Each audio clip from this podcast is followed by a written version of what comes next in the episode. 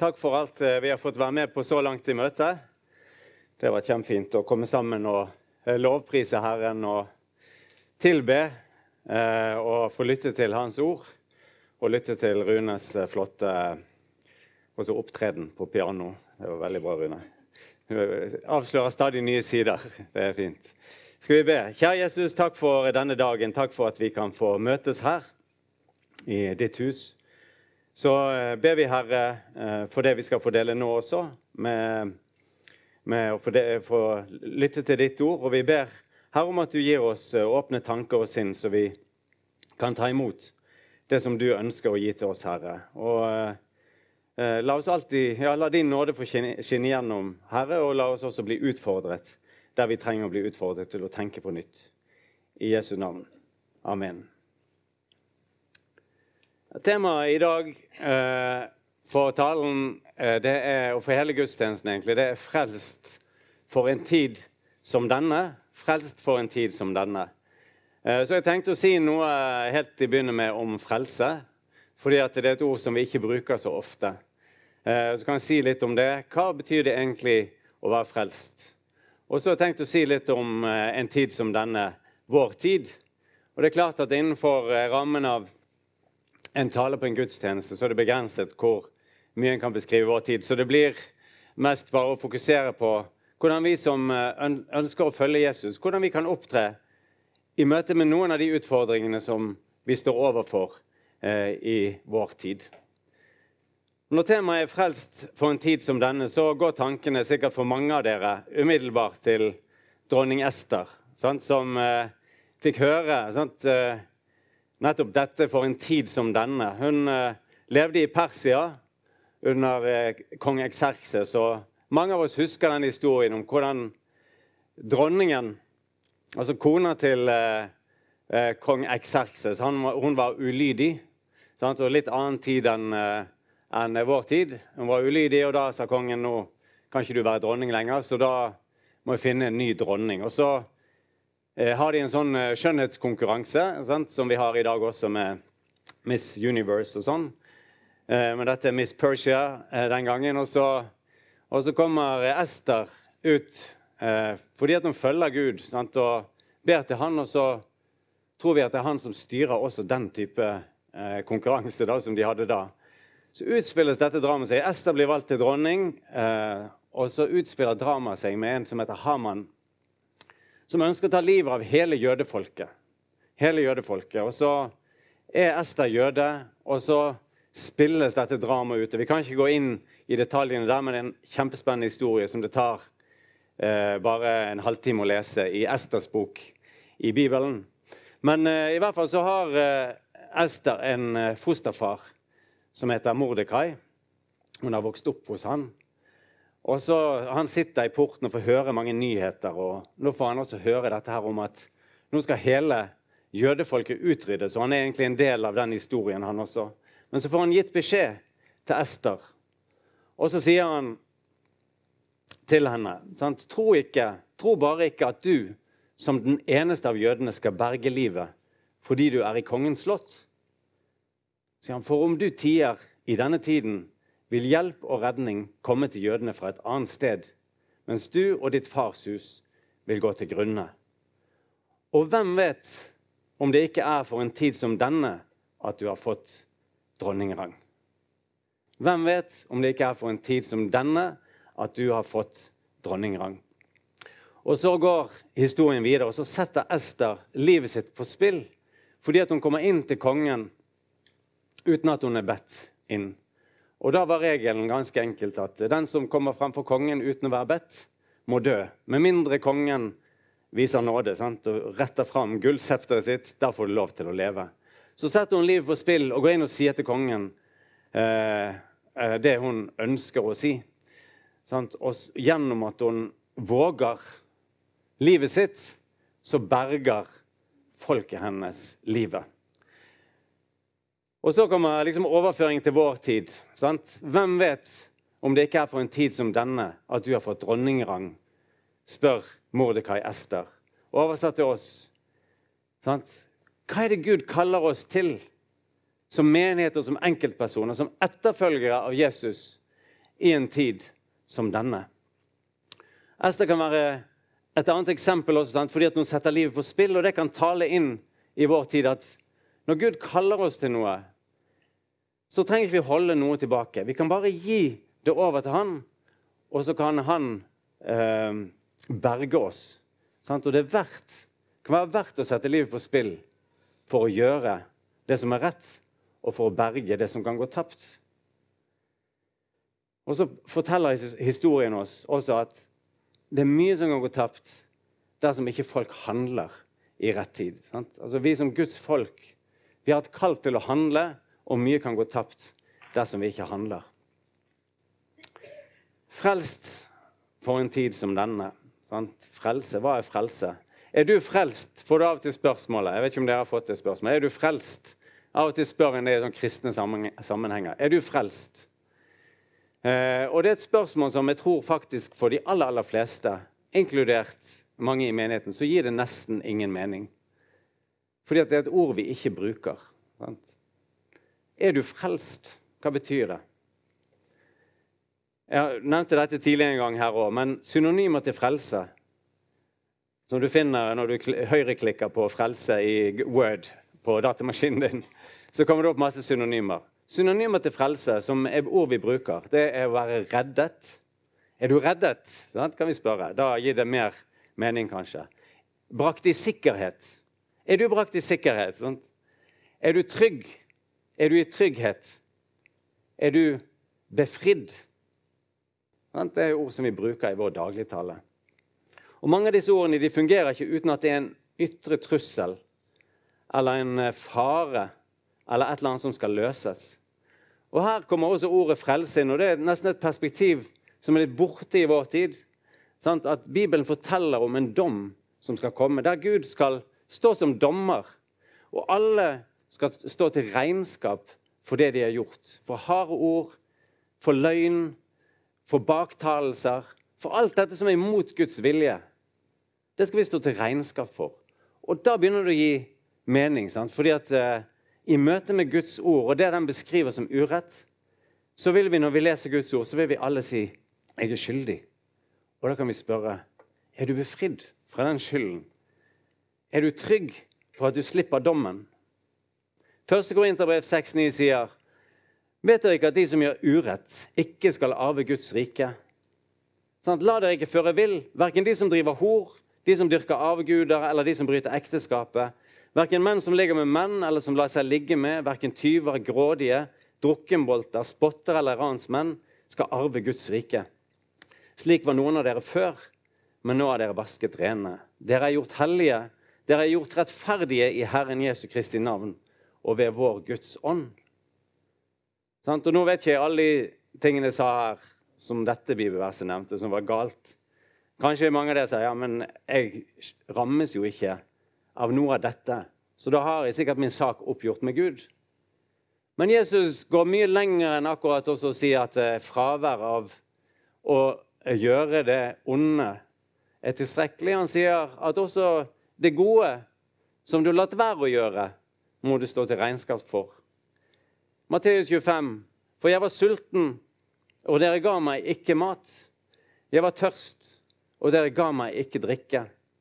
Jeg var fremmed, og dere tok ikke imot meg. Jeg var naken, og dere kledde meg ikke. Jeg var syk og i fengsel, og dere så ikke til meg. Så svarer de som får høre denne dommen, Herre, når så vi deg sulten eller tørst eller fremmed eller naken eller syk eller i fengsel uten å komme deg til hjelp? Og Da svarer Jesus dem, sannelig, jeg sier dere, det dere ikke gjorde mot en av disse minste, har dere heller ikke gjort mot meg. Og disse skal gå bort til evig straff, men de rettferdige til evig liv. Og Da kan kanskje mange av oss kjenne at vi rammes. Vi rammes av dette. Og hjelp oss, Jesus. Vis oss nåde. Herre, vis oss nåde. Hva er frelse i Bibelen? Er det å bli kjent med Jesus? Mange tenker at ja, det må være å bli kjent med Jesus. Å kjenne Jesus, det er frelse. Vet dere at uh, Å kjenne Jesus og vite hvem han er, faktisk ikke tilstrekkelig. Det holder ikke bare å vite hvem Jesus er. Bibelen omtaler en uh, motstander av Jesus som heter djevelen. Han kjenner Jesus, vet veldig godt at han eksisterer. Men han har aldri bøyd seg under Jesu autoritet. Så bare det å kjenne Jesus og vite at han eksisterer, er ikke nok. Er det å ta imot hans kjærlighet? Ja, det hører med, men det er også mer enn det. For det handler om overgivelse og omvendelse. Overgivelse og omvendelse. Du må bøye deg inn under Jesu autoritet. Der ligger frelsen. Hva er det så vi vender om fra? Jo, vi vender om fra alt det som står Gud imot. Så vet vi fra klassisk eh, bibelsk lære, sant, som veldig sjelden blir forkynt i vår tid, at eh, frelse og nåde det begynner faktisk med syndserkjennelse. Det nytter ikke å komme og be om tilgivelse i generelle ordelag og si Kjære Jesus, jeg vet at jeg har gjort veldig mye galt. Vær så snill å tilgi meg. Ikke sånn det fungerer. Den hellige ånd peker mye, mye mer konkret på ting som vi trenger å ta et oppgjør med i våre liv. På enkelte så sier han dette må du bekjenne. Det harde ordet du sa til den personen. Sant?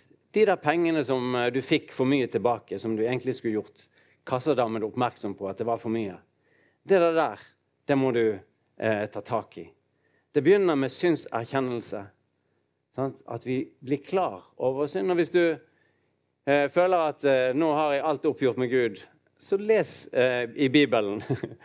Eh, og Der får vi ofte et godt bilde av vår tilstand. Og Når vi har synserkjennelse, så kommer omvendelse og synsbekjennelse. Og mange av oss, inkludert meg sjøl, vi har fått erfare hvor frigjørende det er å kunne få lov til å bekjenne med munnen. Bare si til en annen person 'Dette er det jeg har gjort'. Det er aldri, aldri gøy å gjøre det. Det er aldri kjekt å måtte gå og be om tilgivelse. Jeg har aldri opplevd det som kjekt i forkant. Men du verden så kjekt i etterkant. For da blir, vel, da, ble, da blir, du virkelig fri. Og noe som du føler har ødelagt eh, forholdet ditt til Gud, ja, det er å få lov til å si det til en annen kristen eller til en pastor. Bare få lov til å si det. 'Dette er det jeg har gjort.' Og bare si det helt ut. 'Dette er det jeg har gjort, og det er imot Guds vilje.' Og så få høre fra den andre at det til, tilsier deg, i tråd med Jesu Kristi overbefaling, tilsier deg syndenes forlatelse. Det er noe enormt frigjørende i det, og en lettelse å få lov til å komme der. Fordi at Når vi har synserkjennelse og synsbekjennelse, så kommer nåde. Blir vi møtt av nåde og tilgivelse. Og da får vi erfare hva det vil si å være frelst. Sant? Vi er trygge, og vi er eh, befridd. Jeg har bare lyst til å spørre oss alle, sant? inkludert meg selv. Bærer du på noe Bærer du på noe som du kjenner at uh, er en sånn der, uh, noe som tar liv?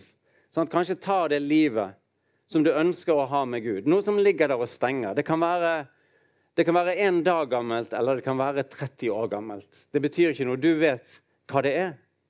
Men i dag så er det en mulighet til å komme fram med det og bare si Vet du, dette har jeg gjort, og nå har jeg lyst til å legge fra meg. Og så kan du få erfare den friheten som det gir. Allerede i dag kan du få erfare det. Trenger du mer tid, så bruk mer tid. sant?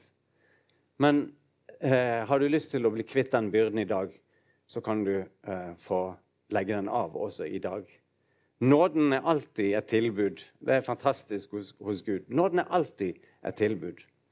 Der får du erfare frelse og frihet. Så da er frelst for en tid som denne. Og eh, jeg vet ikke hvordan eh, du ville beskrive vår tid. Hva ville du satt som nøkkelord eh, på den tiden vi lever i i dag? Jeg opplever når jeg ser på samfunnet vi lever i, sant? eller hvis du ser på verden som helhet, så er det veldig mye forskjellig. Ser du på Norge, så er det mye forskjellig. Ser du på, ser du på Arna, så er det også mye forskjellig. Det er både godt og vondt. Sant? Det er ting som fungerer godt, og det er ting som fungerer eh, mindre godt. Jeg har, jeg har valgt ut eh, fire ord som alle begynner på M, i håp om at folk skal huske det etterpå. Sant? Eh, det var litt tilfeldig at de begynte på M. da. Men, eh, men, det er de fire ordene jeg har lyst til å snakke om, som også beskriver vår tid. Og de beskriver ikke vår tid fullt ut, men de beskriver også ting ved vår tid. Det ene er menneskeverd, og et menneskeverd som er under press. Det andre er migrasjon, altså det at folk er på flyttefot. Det tredje er materialisme, eh, som vi erfarer mye av i vårt samfunn, men også i mange andre samfunn. Eh, og det fjerde er mangel på autoritet. Altså mangel på autoritet. Eh, I Bibelen så står det en profet som kommer til, til en konge, som sier han Jeg ser folket spredt utover åsene som eh, sauer uten hyrde. Og Jesus også bruker det bildet. Av og til så tenker jeg at det, det er egentlig en beskrivelse av vår tid. Altså, folk er spredt, og vi mangler en autoritet eh, som er samlende. Og jeg tror at nettopp eh, vi som ønsker å følge Jesus, vi kan ha den autoriteten eh, eller over oss, og vi kan også representere den autoriteten. Og når jeg nå snakker videre her, så ønsker jeg å forkynne Guds ord. Sant? Og bare si det som Guds ord sier. Og så kan vi ta eh, det til oss. Sant? Og jeg har ikke lyst til å formidle mine tanker, fordi det er ikke så viktig. Eh, men ønsker å, å, å, dele det som står i Bibelen. Og jeg tror at, eh, at, Bibelen kaller oss, og Gud kaller oss til å bøye oss, enda vi er et stolt folk i Norge. sant? Eh, og vi, og vi lever i en stolt tid der alle på en måte eier sannheten. Så tror jeg Bibelen kaller oss til bøye, at vi skal bøye oss under dens autoritet og si at eh, det som Bibelen slår fast, det trenger ikke jeg å, å mene noe annet om. Altså, når Bibelen slår fast noe, så er det min mening. Sånn, jeg kan, ha, jeg kan, ha, mange meninger i mitt liv. Mange meninger som går både den ene og den andre veien. Men når Bibelen slår noe fast, så står det også fast. Som dere vet eh, en del, i hvert fall, så underviser jeg om kultur og kulturtilpasning for, eh, for folk. Og da sier vi det samme prinsippet der Bibelen har en klar retningslinje på hvordan du skal opptre, så bøyer vi oss under den.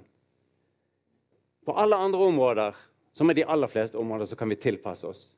Men der Bibelen slår noe fast, der bøyer vi oss under Bibelens autoritet. Menneskeverd.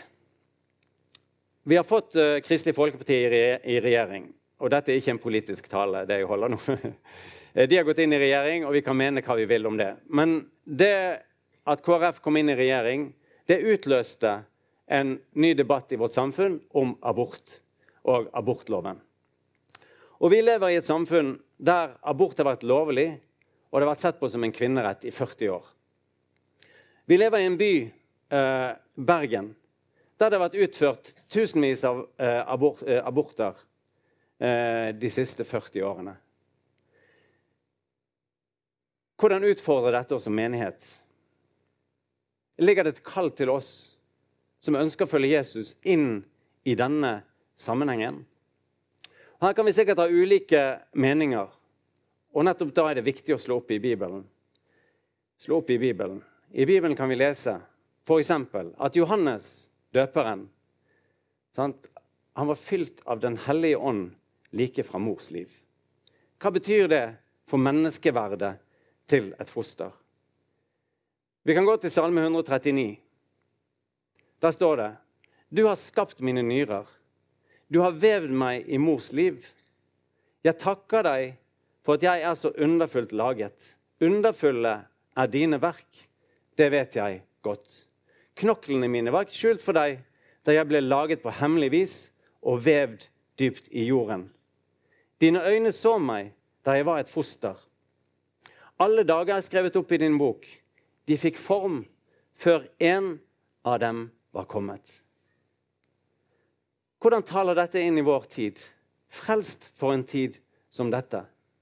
Hva sier det om engasjementet som vi som menighet, eller om Guds tanke for det ufødte liv? Jeg tror det sier mange ting. Og av det, Noe av det vi skal gjøre, er å tale tydelig som menighet og som enkeltkristne om den urett som skjer mot de aller, aller svakeste av de svake i vårt samfunn. Det er liv som er unnfanget, men som ikke får leve opp fordi de ikke har en egen stemme. Det betyr også, og det har jeg lyst til å si med stor glede til alle, at vi tilbyr tilgivelse og nåde og samtale for de som har utført abort. Jeg har lyst til å si at eh, ut fra Bibelen kan jeg ikke trekke noen annen konklusjon enn at abort er imot Guds vilje. Men har du utført en abort, så er det også tilgivelse for det i nåden hos Jesus Kristus. Den ligger der. Det betyr at vi som menighet skal etablere støtteordninger for foreldre eller de som er blitt gravide uten at eh, de har mulighet til å ta, eh, ta ansvar på, for barna på en skikkelig måte. Og Det betyr at vi som menighet kan kalle folk til omvendelse. At omvendelse og igjen tilby nåde og tilgivelse inn i dette svært, svært utfordrende området. Frelst for en tid som denne. Det er viktig å løfte flagget der kampen står, var det en som sa. Altså, det er noe med Hvis du tenker på de gamle krigene sant? Du kan gjerne løfte krigsflagget og flagget for et slag langt vekke fra eh, fronten. Da risikerer du ingenting. Men vi må våge å løfte fanen sant? og representere Guds rike på de områdene der slaget faktisk står. Og det er kallet til oss som menighet. Det var menneskeverd. Migrasjon. Vet du, I vår bydel så har vi et flyktningmottak. Og det utfordrer oss som menighet at flyktningmottak er der. Vi har også flyktninger og immigranter som lever i vår midte. og Det er kjempe, kjempeflott. Vi kan tenke mye om migrasjon, sant? og det fins ingen klare bibelske svar på eh, selve migrasjonsutfordringene. Altså hva er det som skal eh, Hva er løsningene på dette? Det fins ikke klare svar på det. Men det vi kan lese i Bibelen, er at Gud flyttet folk så de fikk kontakt med Guds folk. Sånn hvis du ser på innvandringen til Israel, så ble det sendt folk til Israel for at folk skulle, andre folkeslag skulle få møte den allmektige Gud. Spennende. sant? Det er en spennende tanke som vi kan bære med oss inn i det vi ser nå. Og så tror jeg at når folk har kommet til oss, så gir Bibelen veldig veldig klar veiledning på hvordan vi skal opptre i møte med eh, immigranter som er kommet hit, uavhengig av hvordan de er kommet hit. Andre Mosebok 22, 21. Du skal ikke undertrykke og ikke gjøre urett mot en innflytter, for dere har selv vært innflyttere i Egypt. Tredje Mosebok 19, fra vers 33. Når en innflytter bor i landet hos dere, skal dere ikke gjøre urett mot ham. Innflytteren som bor hos dere, skal være som en av deres egne landsmenn. Du skal elske ham som deg selv, for dere har selv vært innflyttere i Egypt. Jeg er Herren, deres Gud. Jeg møtte for noen år siden en ung, uh, ung gutt i Oslo. Uh, muslimsk bakgrunn. Uh, han var ikke bare muslimsk bakgrunn, han var muslim. så sier han til meg Mitt høyeste ønske Jeg har bodd i Norge i to år. Mitt høyeste ønske har vært å bli invitert hjem til en norsk familie. Men det kommer aldri til å skje. Han hadde mistet håpet om at det kunne skje. Og Dette mener jeg er en utfordring til oss som kristen menighet. Sant? Altså i møtet. Hva betyr det når Guds ord sier at du skal helske innflytteren som deg selv? Jeg er Herren deres Gud. Her kan vi la oss utfordre. Menneskeverd, eh, migrasjon, materialisme. Jeg vet ikke hvor mange av dere som er her i dag, som regner dere som materialister. Kan vi rekke opp en hånd? Nei. det det, takk skal du ha. De færreste, det er absolutt de færreste erkjenner at de er materialister. Og, eh, og, når vi tenker på materialisme, så tenker vi gjerne på det der å samle ting eh, til oss selv. Sant? Og, eh, det er alltid den snikende stemmen som sier litt til og litt til. Du trenger litt mer. Du fortjener litt mer. Du skulle hatt et litt større hus. Du skulle egentlig hatt en litt finere bil for den bilen du har nå.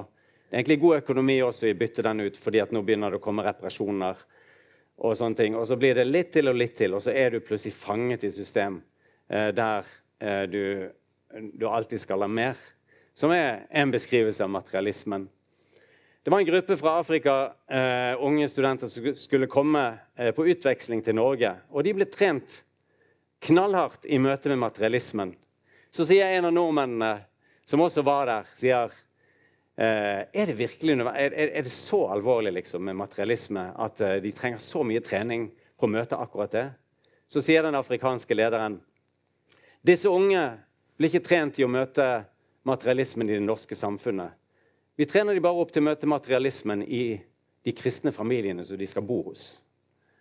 De skal bo hjemme hos kristne. Og der er det mye materialisme, så de trenger å møte det på en skikkelig måte.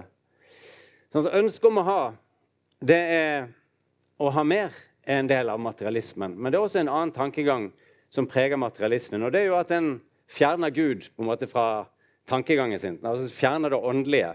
Og så står han bare igjen med eh, det materielle. Og en venn eh, av oss eh, som var, eh, som var misjonær i Ecuador for flere år siden, han sa det at vi som misjonærer vi virker alltid materialistisk i den forstand at vi fjerner Gud og det åndelige inn i denne type samfunn. De jobbet blant Jeg vet ikke hva det er politisk korrekt å kalle det, men det er urbefolkningen i, i landet der. Og, og, så sa han at når folk ble syke der, så oppfattet de, de oppfattet det alltid som et åndelig problem. Alltid som et åndelig problem. Mens misjonærene oppfattet det alltid som et fysisk problem. Sant? For vi er trent i å tenke materialistisk. Så Eh, lokalbefolkningen ville behandle det med bønn, misjonærene med medisiner. Sant? Og så drar du egentlig tankegangen i retning av både at det er enten-eller, og at vår forståelse er den rette. Bare ta disse medisinene, så går det over. Men så sier vår eh, venn som er, som er misjonær, så sier han i 80 av tilfellene sant, der du hadde sykdom, den type ting, så sa han i 80 av tilfellene så tror jeg faktisk at lokalbefolkningen hadde rett. Det var en åndelig årsak til problemet. Og da hjelper det på en måte ikke med Paracet. OK, du har et åndelig problem. Ta en Paracet. det hjelper ikke. Sant? Og der er vi trent opp i vårt samfunn bare til å tenke helt materialistisk og uten eh, Gud. I møte med dette så tror jeg bønn, både bønn og givertjeneste er veldig god eh, medisin. Sant? I møte med det at en ønsker å ha ting, eh, så kan eh, det å gi vekk være en veldig, veldig god eh, øvelse. Og hva om Herren kommer til oss og sier Selg alt det du eier, og gi til de fattige. Sånn som han utfordret den rike unge mannen. Er vi da klar til å gjøre det? Eller sitter vi og holder igjen og sier nei, nei, nei. Så radikalt kristen ønsker ikke jeg å være. Eller hva om han bare ikke sier selg alt du eier, men han sier gi i hvert fall noe av det som virkelig betyr noe for deg, sånn at uh, livet ditt blir annerledes etterpå at du har gitt. Uh, er, da, er vi da klare til å gjøre det? Hva sier Guds ord til oss inn i dette? Matteus 6. Dere skal ikke samle skatter på jorden hvor møll og mark ødelegger, og hvor tyver bryter inn og stjeler. Men dere skal samle skatter i himmelen, der verken møll eller mark ødelegger, og tyver ikke bryter inn og stjeler. For der skatten din er, der vil også hjertet ditt være. Det siste punktet Hva har vi tatt nå? Eh, vi har tatt menneskeverd. Eh, ja. Mangel på autoritet det siste. Menneskeverd, migrasjon. Og nå, nå snakket vi om materialisme. Korttidshukommelsen er ikke det den pleide å være. Nå kommer mangel på autoritet. Mangel på autoritet. Dommernes bok 21-25 eh, kan på en måte beskrive vår tid. Siste vers i Dommernes bok, som er en veldig veldig trist bok i Bibelen, der står egentlig konklusjonen på alt det triste som har skjedd før. Og der står det I de dager var det ingen konge i Israel. Hver mann gjorde som han selv fant for godt. I de dager var det ingen konge i Israel, ingen autoritet. Hver mann gjorde som han selv fant for godt. Vet du at uh, I USA Eh, I hvert fall i gamle dager så var det sånn når en eh, bedrift ble kjøpt opp av en annen, eh, så sto det ofte under skiltet der det sto navn på bedriften, så sto det 'Under New Management', altså under nytt lederskap. Og det å gi livet sitt til Jesus, det handler nettopp om det. Å bøye seg under Jesu autoritet og under Guds ord bøye seg under Guds, eh, Jesu autoritet og under Guds ord. Det er veldig veldig vanskelig for mennesker som bor i vår del av verden, fordi vi er trent opp i sånn ekstrem individualisme, der vi alltid er vår egen herre. Helt fra vi er små, så lærer vi det. At du er autoriteten i ditt eget liv. Og det å komme fra denne type samfunn og skulle bøye seg inn under autoritet, er veldig, veldig vanskelig. Men her tror jeg vi trenger å vende om og bøye oss under Guds ords autoritet. Og En forsker på MF for noen år siden som gjorde en studie, han sa hvilke kirker vokser i verden, og hvilke går tilbake. Så sa han et sånn fellestrekk for alle menigheter som vokser, er at de har Bibelen som sin høyeste autoritet. Sånn at de bøyer seg inn under det Bibelen sier. Mange kristne, inkludert meg sjøl, vi kan mene mye, men tankene våre må alltid prøves eh, mot Bibelen. Og det Guds ord slår fast, det står fast. En av vår tids store prøver på dette, det handler om det som vi i dag er blitt sånn kjønnsnøytralitet. Sånn kjønnsnøytralitet, Og det at en skal bryte ned eh, alt det som har med kjønn å gjøre i vårt samfunn. Der står et enormt slag i vårt samfunn i dag. Det store testspørsmålet i politikken sant? Du kan ha politikk som går hit og dit. Men for politikerne er det store spørsmålet skal du gå i pride-tog eller ikke. Det er testspørsmålet på om du viser toleranse.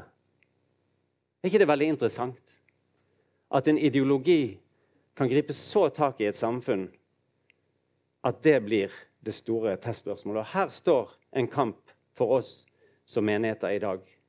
Igjen, her må vi søke til Bibelen. Og vet du, Bibelen taler tydelig både om årsak og virkning til den forvirringen vi opplever i dag. Akkurat som Guds ord har forutsett dette allerede. Romerne 1. De fulgte sitt hjertes lyster. Derfor overga Gud dem til urenhet, slik at de vanæret kroppen sin med hverandre. De byttet ut Guds sannhet med løgn og tilba og dyrket det skapte i stedet for skaperen, han som er velsignet i evighet. Derfor overga Gud dem til skammelige lidenskaper. Kvinnene deres byttet ut det naturlige samliv med det unaturlige. På samme måte sluttet menn å ha naturlig samliv med kvinner og brant i begjær etter hverandre. Menn drev utukt med menn, og de måtte selv ta straffen for sin villfarelse. De brydde seg ikke om å kjenne Gud. Derfor overga, overga Gud dem til en sviktende dømmekraft, så de gjør slikt som ikke sømmer seg.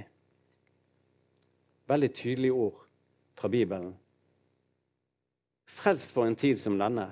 Vet du, Det er akkurat der kampen står, at en må løfte flagget og si at her taler Bibelen annerledes.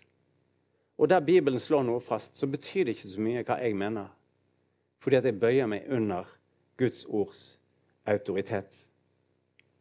Hva gjør vi så i en tid som dette, der kampene er så mange, og der det er mye som står Guds ord imot?